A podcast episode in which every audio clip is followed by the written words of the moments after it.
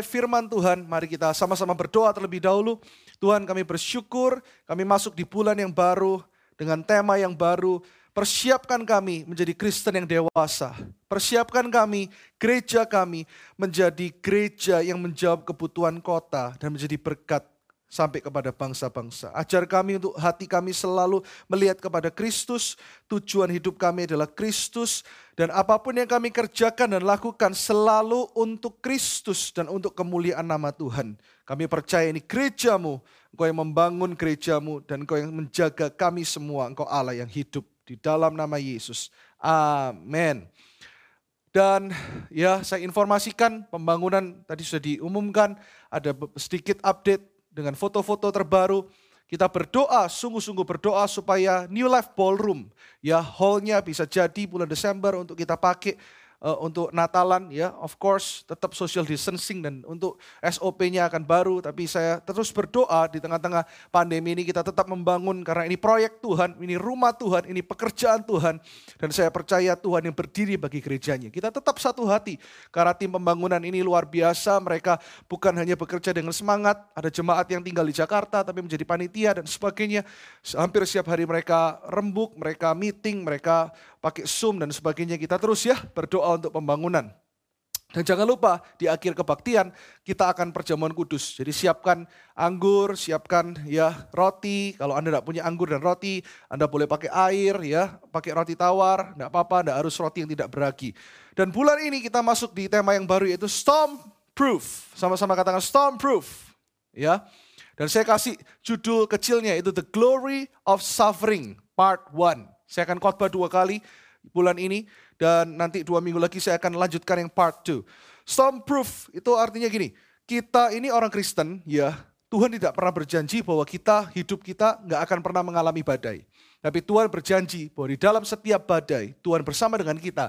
Dan kita selalu keluar lebih dari pemenang. Amin. Dan di minggu ini, dan di dua minggu ke depan, kita akan belajar tentang apa itu tujuan dari penderitaan penderitaan tuh kok masih ada di dunia ini. Banyak orang Kristen yang salah kaprah.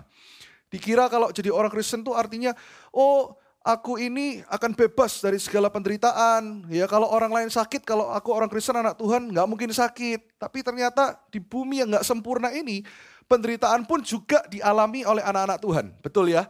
Dan tidak banyak gereja mengajarkan benar-benar apa tujuan dari penderitaan. Ya, kita akan belajar ya di balik penderitaan selalu ada kemuliaan Tuhan.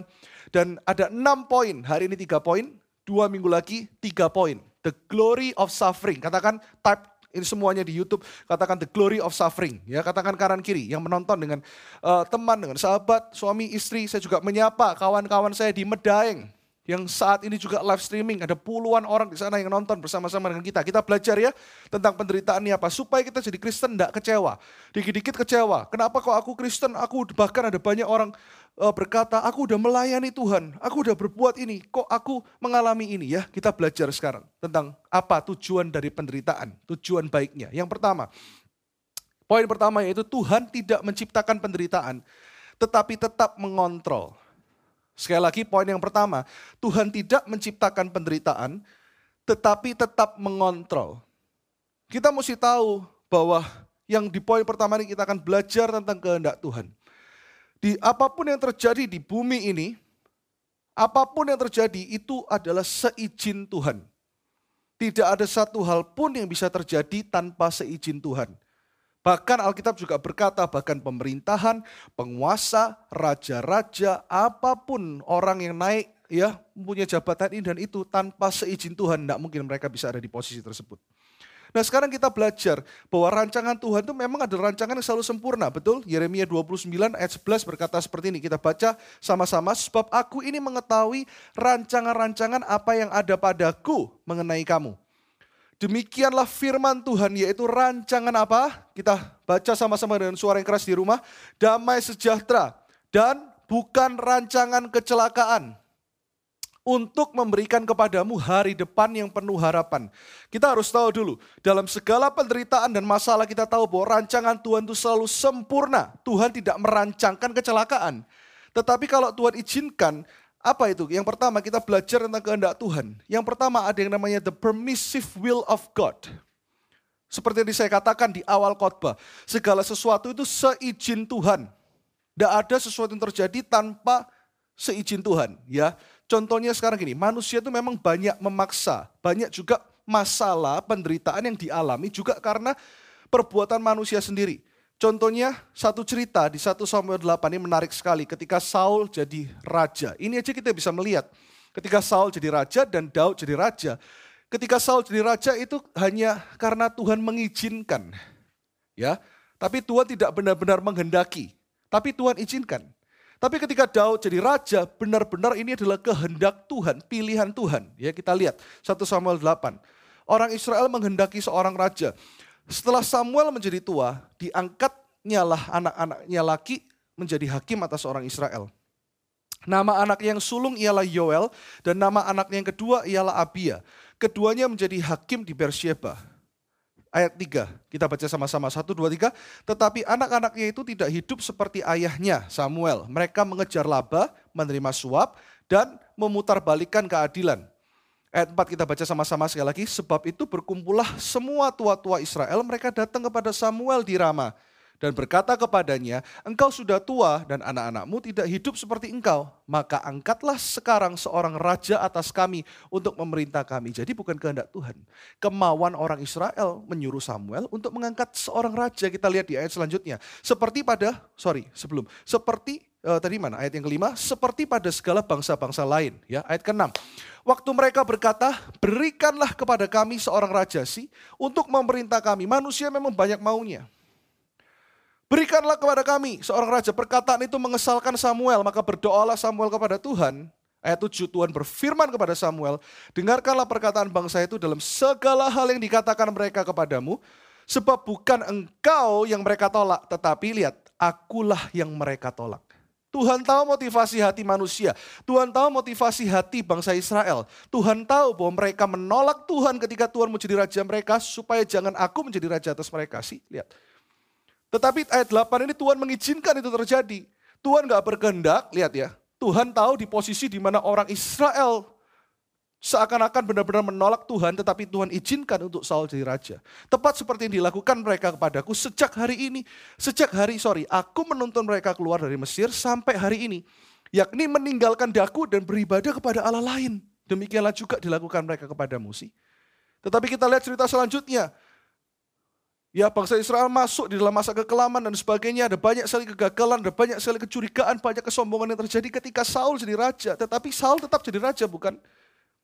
Tuhan tidak merancangkan yang kecelakaan, tetapi Tuhan mengizinkan Saul jadi raja. Ya, jadi kita tahu ya, apa poinnya tadi? The permissive will of God. Yang kedua, ada yang namanya benar-benar kehendak Tuhan yang sempurna, yaitu the perfect will of God. Di mana Tuhan sungguh-sungguh mau. Ayatnya di mana? Ketika Daud jadi raja. Kita lihat 1 Samuel 16 berkata seperti ini. Ayat 1 dan 2. Judulnya Daud diurapi menjadi raja. Berfirmanlah Tuhan kepada Samuel, berapa lama lagi engkau berduka cita karena Saul? Bukankah ia telah kutolak sebagai raja atas Israel? Isilah tabung tandukmu dengan minyak dan pergilah. Aku mengutus engkau Samuel kepada Isai orang Bethlehem itu. Sebab di antara anak-anaknya telah kupilih seorang raja bagiku. Tetapi Samuel berkata, bagaimana mungkin aku pergi? Jika Saul mendengarnya, ia akan membunuh aku firman Tuhan, bawalah seekor lembu muda dan katakan, aku datang untuk mempersembahkan korban kepada Tuhan. Tuhan yang mengatur, Tuhan yang menyuruh Samuel, Tuhan yang punya inisiatif, Tuhan yang mengontrol, dan Tuhan yang menyatakan kehendak yang terjadi. Si. Itu yang pertama kita tahu ya, bahwa segala sesuatu dikontrol, under his control. Jadi jangan takut. Kelihatannya hari ini kok kok kelihatannya rancangan Tuhan nggak baik ya. Rancangan Tuhan nggak pernah nggak baik, tapi Tuhan kadang-kadang izinkan sesuatu nggak baik terjadi. Tetapi di balik itu ada kehendak Tuhan yang sempurna, ada kemuliaan Tuhan yang luar biasa. Amin. Poin yang pertama tadi apa? Tuhan tidak menciptakan penderitaan, tetapi tetap mengontrol penderitaan. Yang kedua, hanya Tuhan yang berhak menentukan apa itu kebaikan dan keburukan. Sayangnya orang Kristen selalu berpikir seperti ini. Coba saya kasih contoh kepada Anda. Kita selalu melihat hal yang baik itu identik dengan kenyamanan, betul? Sekali lagi ya, saya ngomong gini, kenapa orang Kristen tidak tahan dalam penderitaan, tidak storm proof? Tidak berstorm proof itu artinya gini, tahan badai. Banyak orang Kristen yang tidak tahan badai, padahal Tuhan berkata bahwa Badai akan datang, tetapi bedanya kalau rumah dibangun di atas pasir dengan rumah yang dibangun di atas batu karang, beda. Ketika badai itu datang, rumah yang dibangun di atas pasir itu akan roboh. Yang di atas batu karang yaitu Kristus akan tetap berdiri teguh sih. Hari ini ayo kita jadi Kristen yang dewasa. Kadang-kadang identik, kita selalu mengidentifikasikan, oh kebaikan Tuhan itu sesuai dengan kemauan kita, kenyamanan kita. Ya, padahal poin yang kedua tadi apa? Saya ulang lagi, hanya Tuhan yang berhak menentukan apa itu kebaikan dan keburukan. Contohnya apa? Coba kalau ada yang butuh uang sekarang. Aku perlu terobosan pastor. Di tengah pandemi ini aku tidak punya uang. Anda mengidentifikasikan kebaikan Tuhan adalah apa? Kalau Anda berdoa terobosan keuangan. Apa? Ya dapat uang, betul? Itu menurut Anda baik. Ya kan? Kalau ada yang sakit sekarang, wah aku sakit. Anda berkata bahwa Tuhan baik kalau apa? Anda sembuh. Nah itu kan itu kan semau-mau kita sendiri. Padahal kita kita tahu ayat ini berkata soal apa? Ya, yang berhak menentukan baik atau tidak itu hanyalah Tuhan. Sekarang kita buka ayatnya. Ini ayat yang sangat populer. Kita semua suka ayat ini, tapi kita nggak benar-benar memahaminya. Roma 8 ayat 28 sampai 29. Semua yang di rumah masih semangat? Yang semangat type, ya tulis yes, pastor. Ayo semuanya, come on. Ya katakan semangat, ya live group, live group semangat. Dari sini kita akan menjadi Kristen yang dewasa. Bukan Kristen yang semau kita sendiri, mengatur Tuhan kita menjadikan Tuhan itu sarana. Bahkan kita nggak sengaja menjadikan Tuhan berhala, sorry ya. Kita perlu uang, Tuhan kasih uang itu baru baik. Kita sakit, kalau kita berdoa minta kesembuhan, sembuh baru Tuhan baik. Kalau enggak berarti kita kita anggap Tuhan itu jahat. Bahkan saya selalu tanamkan ini kepada Anda. Kebaktian kesembuhan dan KKR-KKR kesembuhan, ya bahkan nanti kita akan berdoa suatu hari ya soon setelah pandemik ini uh, tidak ada lagi kita akan KKR, KKR juga di lapangan-lapangan. Tujuannya bukan kesembuhannya. Kesembuhan itu hanyalah tanda-tandanya, tanda-tanda mujizat. Bahkan kalau nanti Anda lihat di dalam Alkitab, semua tanda itu menujunya kepada Yesusnya. Orang Kristen maaf, sayangnya berhenti di tandanya. Kalau Anda pergi ke eh, misalnya ke Malang, Anda mau berlibur ya, anda mau lihat gunung yang indah, tetapi Anda dikasih tahu, oh nanti kalau mau ke Malang, ini orang Jawa Timur ngerti nih. Yang dari Jakarta, Bandung, uh, Sydney, Switzerland mungkin tidak ngerti Amerika, ya. Tapi kalau ada berasal dari Surabaya pasti ngerti. Nanti mampir ya, gitu ya. Itu kan bahasa Surabaya. Kerawon nguling. Nah, waduh, kita pergi ke rawon nguling, kita makan, kita pesen rawon dengkul, rawon rawon apa, lidah, rawon kuping semua gitu ya. Ya, orang Indonesia kan semua kan dimakan, tapi yang pasti jangan hoping cak kuping gitu ya. Oke, makan. Terus Anda makan di sana sampai malam Anda lupa. Tujuannya bukan rawon nguling, tujuannya adalah Malang, betul? Begitu pula KKR kesembuhan. Tanda-tanda kesembuhan itu bukan tujuan akhirnya. Tujuan akhirnya itu Kristus. Kebanyakan orang Kristen ini seneng sama tandanya. Udah dari rawan nguling, pergi ke toko un, kan gitu kan ya. Terus pergi lagi ke mana, ngafe ke sini, makan ke sini. Lupa tujuannya Kristus. Bahkan beberapa hari lalu saya uh, apa itu upload di instastory saya. Banyak, maaf, banyak orang Kristen yang mengagumi hamba Tuhan sampai lupa mengagumi Tuhannya. Mengagumi Tuhan Yesus. Karena kita suka dengan tanda-tandanya. Kita suka mujizatnya. Tunggu dua bulan lagi. Kita akan bikin seri Miracles in the Bible. Tujuan dari semua mujizat yang Yesus buat. Itu adalah Yesusnya, bukan mujizatnya. Oke? Nah, Roma 8 ayat 28. Sekarang balik ke topik ini. Kita tahu sekarang bahwa Allah turut bekerja dalam segala sesuatu untuk apa? Mendatangkan kebaikan bagi mereka yang mengasihi dia yaitu bagi mereka yang terpanggil sesuai dengan rencana Allah sih. Tujuan dari penderitaan adalah untuk kita supaya kita benar-benar masuk dalam rencana Allah. Bulan lalu Upside Down Kingdom saya ajarkan true definition of success. Apa itu arti sukses sebenarnya? Adalah untuk hidup dalam kehendak Allah. Ayat 29 ini yang kita sering lupa. Ayo kita baca sama-sama. Semua yang mau semangat baca sama-sama katakan, oh yeah, type semua, oh yeah, haleluya. Yuk, sebab semua orang yang dipilihnya dari semula, Mereka juga ditentukannya dari semula untuk menjadi serupa dengan gambaran anaknya. Wow, tujuan dari segala penderitaan itu untuk supaya kita serupa dengan gambaran anaknya. Tujuan untuk menjadi orang Kristen itu bukan untuk dapat ini, dapat itu, tapi serupa dengan Kristus. Kalau Kristus nggak dikotbahkan, kalau kita nggak selalu kembali kepada Kristus, kadang-kadang kita bisa lupa bahwa khotbah itu hanyalah ajaran tentang moralitas. Sedangkan kekristenan bukan merubah perilaku kita, tapi kekristenan mengubah dalamnya kita. Mengubah manusia lama kita menjadi manusia yang baru. Mengubah hati kita. Christianity is not a behavior modification, but a heart transformation. Makanya kenapa kita sebagai hamba Tuhan pun kita mengingatkan bahwa setiap khotbah kita bukan hanya membuat orang senang, membuat orang berpikir oh ini relevan, bukan hanya membuat orang berpikir oh iya masuk akal, tapi sungguh-sungguh membawa setiap orang kembali kepada Kristus, kepada anugerahnya dan berkata Tuhan aku ini bukan siapa-siapa tanpa engkau. Dan aku mau lebih lagi serupa denganmu. Supaya ia anaknya itu menjadi yang sulung di antara banyak saudara. Sih? Jadi baik atau buruk yang sekarang Anda lihat. Anda nggak bisa tentukan dulu hari ini baik atau buruk. Saya kasih sebuah cerita Tiongkok lama yang ini cerita fiksi tetapi cukup memberkati saya dan cocok untuk relevansi dari poin kedua ini. Ini contohnya manusia dengan segala ukurannya yang baik kayak gini, yang buruk kayak gini. Suatu hari di sebuah desa di Cina, ya. Itu ini cerita lama gitu ya. Ada seorang yang sangat kaya raya. Dia punya uh, satu kuda jantan ya. Anda jangan tanya kaya raya kok punya satu kuda jantan ya. Mungkin sapinya banyak, kudanya satu gitu ya. Tidak untuk diperdebatkan. Suatu hari si kuda jantan satu-satunya yang dia miliki ini lepas. Wah, terus dia punya satu putra, putra mahkota. Ya, dia bilang sama putranya, waduh Tuhan ini tidak baik. Tuhan ini jahat. Satu-satunya kuda yang kita rawat dari kecil kita sayangi. Tahu terlepas ke hutan begitu saja. Tuhan ini jahat. Si manusia itu gampang ngejudge Tuhan. Oh kalau kayak gini Tuhan jahat. Suatu hari ya duduk dia duduk di teras rumah minum teh tanpa sadar tiba-tiba sang kuda jantan kembali ke rumah majikan ini tidak hanya membawa diri, tetapi membawa banyak sekali kuda betina. Wow, coba semua type wow gitu ya.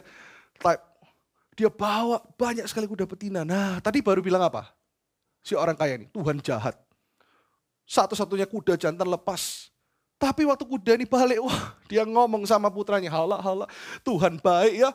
Wah Tuhan itu baik, dia bilang. Kenapa? Karena satu kuda hilang, bawa banyak kuda. Tuhan baik, Tuhan baik sih. Tadi bilang Tuhan jahat, ketika bawa banyak kuda bilang Tuhan baik. Si anak yang masih remaja, bawalah kuda jantan ini dan melatih kuda-kuda betina liar ini yang akhirnya jadi milik dari majikan ini. Ya, naik, wah dia latih, dia naik. Satu kuda tiba-tiba dia jatuh dan salah satu kuda betina lainnya tendang ini kaki si anak remaja dari majikan ini. Das! Kakinya pincang, patah.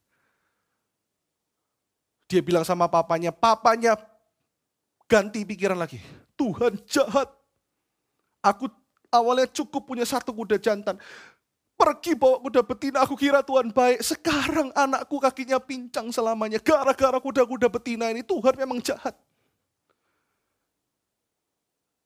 Tapi suatu hari ketika Cina mau berperang, tentara-tentara datang ke desa ini untuk membawa semua anak-anak pria yang remaja untuk dilatih berperang.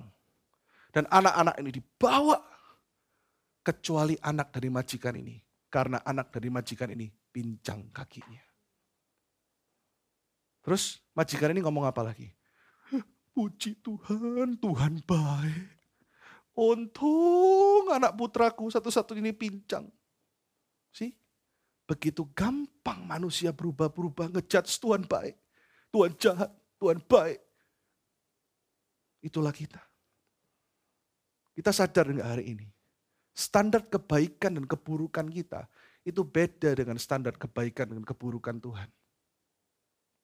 Ada satu uh, quote yang bagus. Saya tidak tahu ini quote ini harusnya di poin keberapa. Tetapi tidak apa-apa dinyalain. Saya tiba-tiba pengen ngomong quote ini sekarang. Quote ini ngomong seperti ini.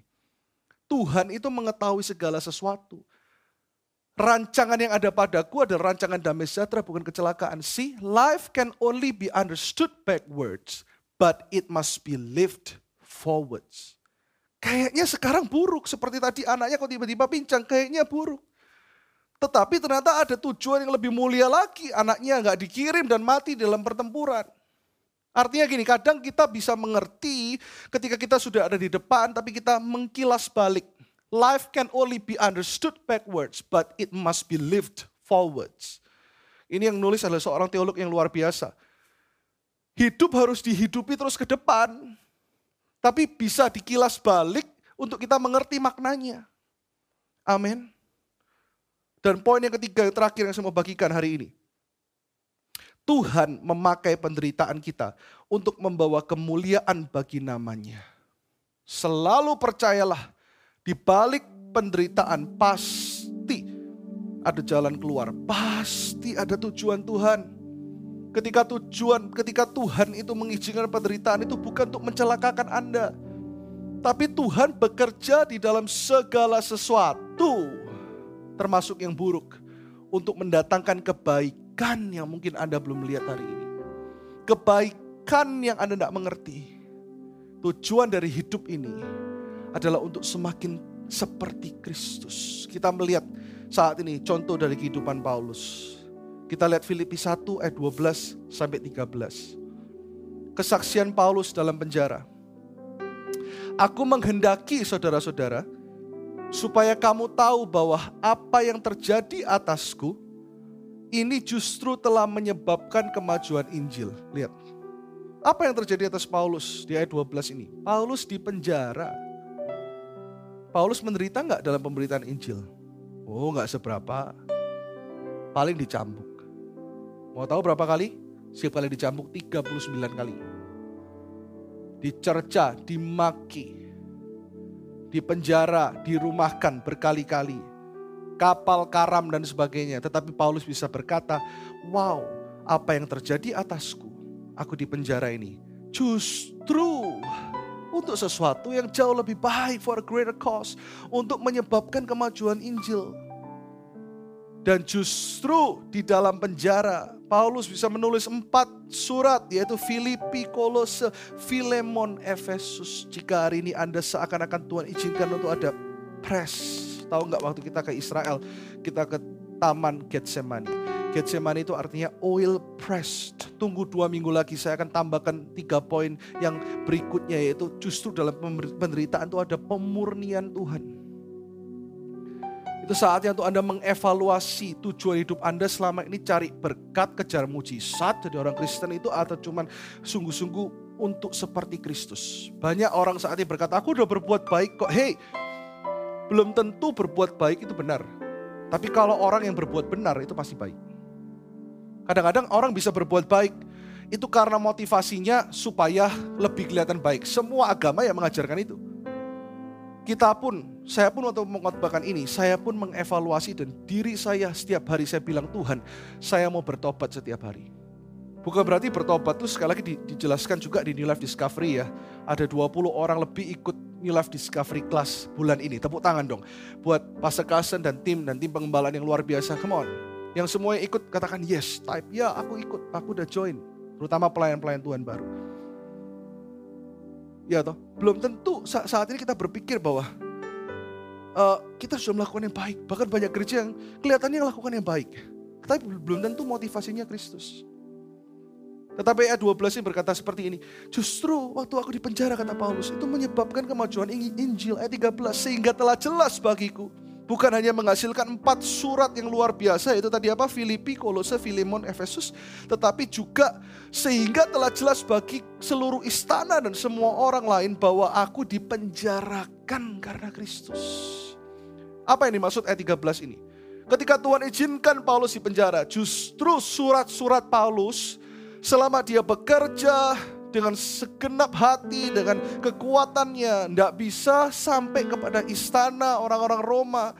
Tetapi justru ketika kelihatannya dikungkung, di penjara, empat sisi di mana dia nggak bisa ngapa-ngapain, bertemu orang pun dibatasi. Di saat itulah dia menulis surat-surat yang luar biasa ini dan surat yang nyampe ke istana raja dan banyak sekali dalam pelayanan ini. Justru ketika dia nggak keliling, dia cuma di penjara, membuat banyak orang bertobat. Bahkan di akhir hidup Paulus, orang-orang Roma yang begitu totok keras menyembah dewa-dewa, mereka bersujud dan salut kepada Paulus. Hormat kepada Paulus dan mengaku Yesus Tuhan sebagai Tuhan dan Raja. Wow. Saya recap hari ini. Tujuan dari penderitaan. Jangan, jangan kalau ada penderitaan datang jangan cepat ngejudge Tuhan ya. Seperti cerita Tuhan jahat. Anda belum bisa melihat di depan itu apa tujuan Tuhan. Tapi percayalah yang pertama, Tuhan tidak menciptakan penderitaan, tetapi Tuhan tetap mengontrol apa pun yang terjadi di dunia ini. Yang kedua, hanya Tuhan yang berhak menentukan apa itu kebaikan dan keburukan. Bukan hak kita untuk menentukan itu. Ayat yang ketiga, Tuhan memakai penderitaan kita untuk membawa kemuliaan bagi namanya. Apa pun yang kau alami hari ini. Mungkin kau seperti terpenjara. Saya selalu ngomong ini. Di tengah-tengah pandemi ini. Banyak orang yang berkata kok gini. Kok gini ya? Aku udah Kristen kok, aku udah melayani Tuhan, bahkan aku setia mengembalikan persepuluhan kok, aku udah ini sih. Kita selalu sama Tuhan tuh kayak mau hitung-hitungan. Aku udah lakukan ini ya Tuhan harus lakukan ini. Tahu nggak? Bahwa tadi saya bacakan apa Roma 8 ayat 29. Tujuan Tuhan dalam hidup kita itu adalah untuk Tuhan selalu memurnikan hati kita. Dan kita semakin seperti Kristus. Di dalam proses apa pun, percayalah dia Tuhan yang pegang kendali. Siapkan perjamuan kudus. Dan saya tetap berdoa. Boleh gak pastor tetap berdoa dan percaya mujizat? Boleh, kita tetap berdoa mujizat terjadi. Tapi kalau belum terjadi, jangan selalu kecewa dan salahkan Tuhan. Amin. Ada lagu yang berkata seperti ini. Kita nyanyikan sama-sama. Tak terbatas kuasamu Tuhan. Semua dapat kau lakukan. Apa yang kelihatan mustahil bagiku Itu sangat mungkin bagimu. Katakan di saat ku tak berdaya Kuasamu yang sempurna. Ketika ku percaya Mujizat itu nyata bukan karena kekuatan Namun rohmu ya Tuhan Ketika ku berdoa Mujizat itu nyata. Sama-sama yang siap percuma kudus sama-sama katakan Di saat ku tak berdaya Kuasamu yang sempurna. Ketika ku percaya Mujizat itu nyata Bukan karena kekuatan Namun rohmu ya Tuhan. Ketika ku berdoa Mujizat itu nyata. Katakan ketika ku percaya Ketika ku percaya ketika aku menyembah, ketika aku menyembah, ketika aku berdoa, mujizat itu nyata. Mari saat ini angkat roti di sebelah tangan kanan kita. Di dalam penderitaan Kristus ada di sana. Daud pernah berkata, sekalipun aku ada di dalam lembah kekelaman, Tuhan tetap besertaku. Haleluya. Sekali orang jatuh benar, dia akan bangkit tujuh kali. Tuhan tidak akan membiarkan kau jatuh tergeletak. Di balik setiap penderitaan ada kemuliaan Tuhan. Mari kita angkat tubuh Yesus. Dan dia Tuhan yang sempurna. Why? Karena dia bukan hanya Tuhan yang ngomong saja, tetapi Tuhan yang pernah merasakan penderitaan, bahkan menderita. Tidak ada orang yang pernah menderita seperti Yesus, karena dia the darling of heaven. Dia punya segalanya, dia meninggalkan itu semua. Bayangkan ada nggak yang menderita kayak gitu? Nonsense kalau ada bilang ada. Dia yang punya langit dan bumi, dia harus menjadi begitu terbatas. Dan dia melewati segala penderitaan, cacian, makian, fitnahan, siksaan, bahkan kematian. Tapi saya mau ngomong sama Anda, ini semua yang dunia takuti, kematian, kekhawatiran, tetapi dia telah conquer death. Dia telah mengalahkan kematian, telah mengalahkan penderitaan, telah mengalahkan kegagalan dan kubur yang kosong membuktikan ada harapan bagi Anda dan saya. Ada harapan bagimu. Setiap jemaat New Life Church dan semua yang menonton di seluruh dunia. Saat ini di mana-mana Anda berada. Angkat tubuh Yesus ini tinggi. Percayalah bahwa masih ada mujizat kami bersyukur Tuhan karena roti yang kami angkat ini sungguh-sungguh adalah persekutuan dengan tubuh. Inilah persekutuan jadikan kami semakin serupa denganmu. Kami percaya saat ini Tuhan. Kami sudah disembuhkan. Kami sudah dipulihkan di dalam nama Yesus. Mari kita makan Yesus.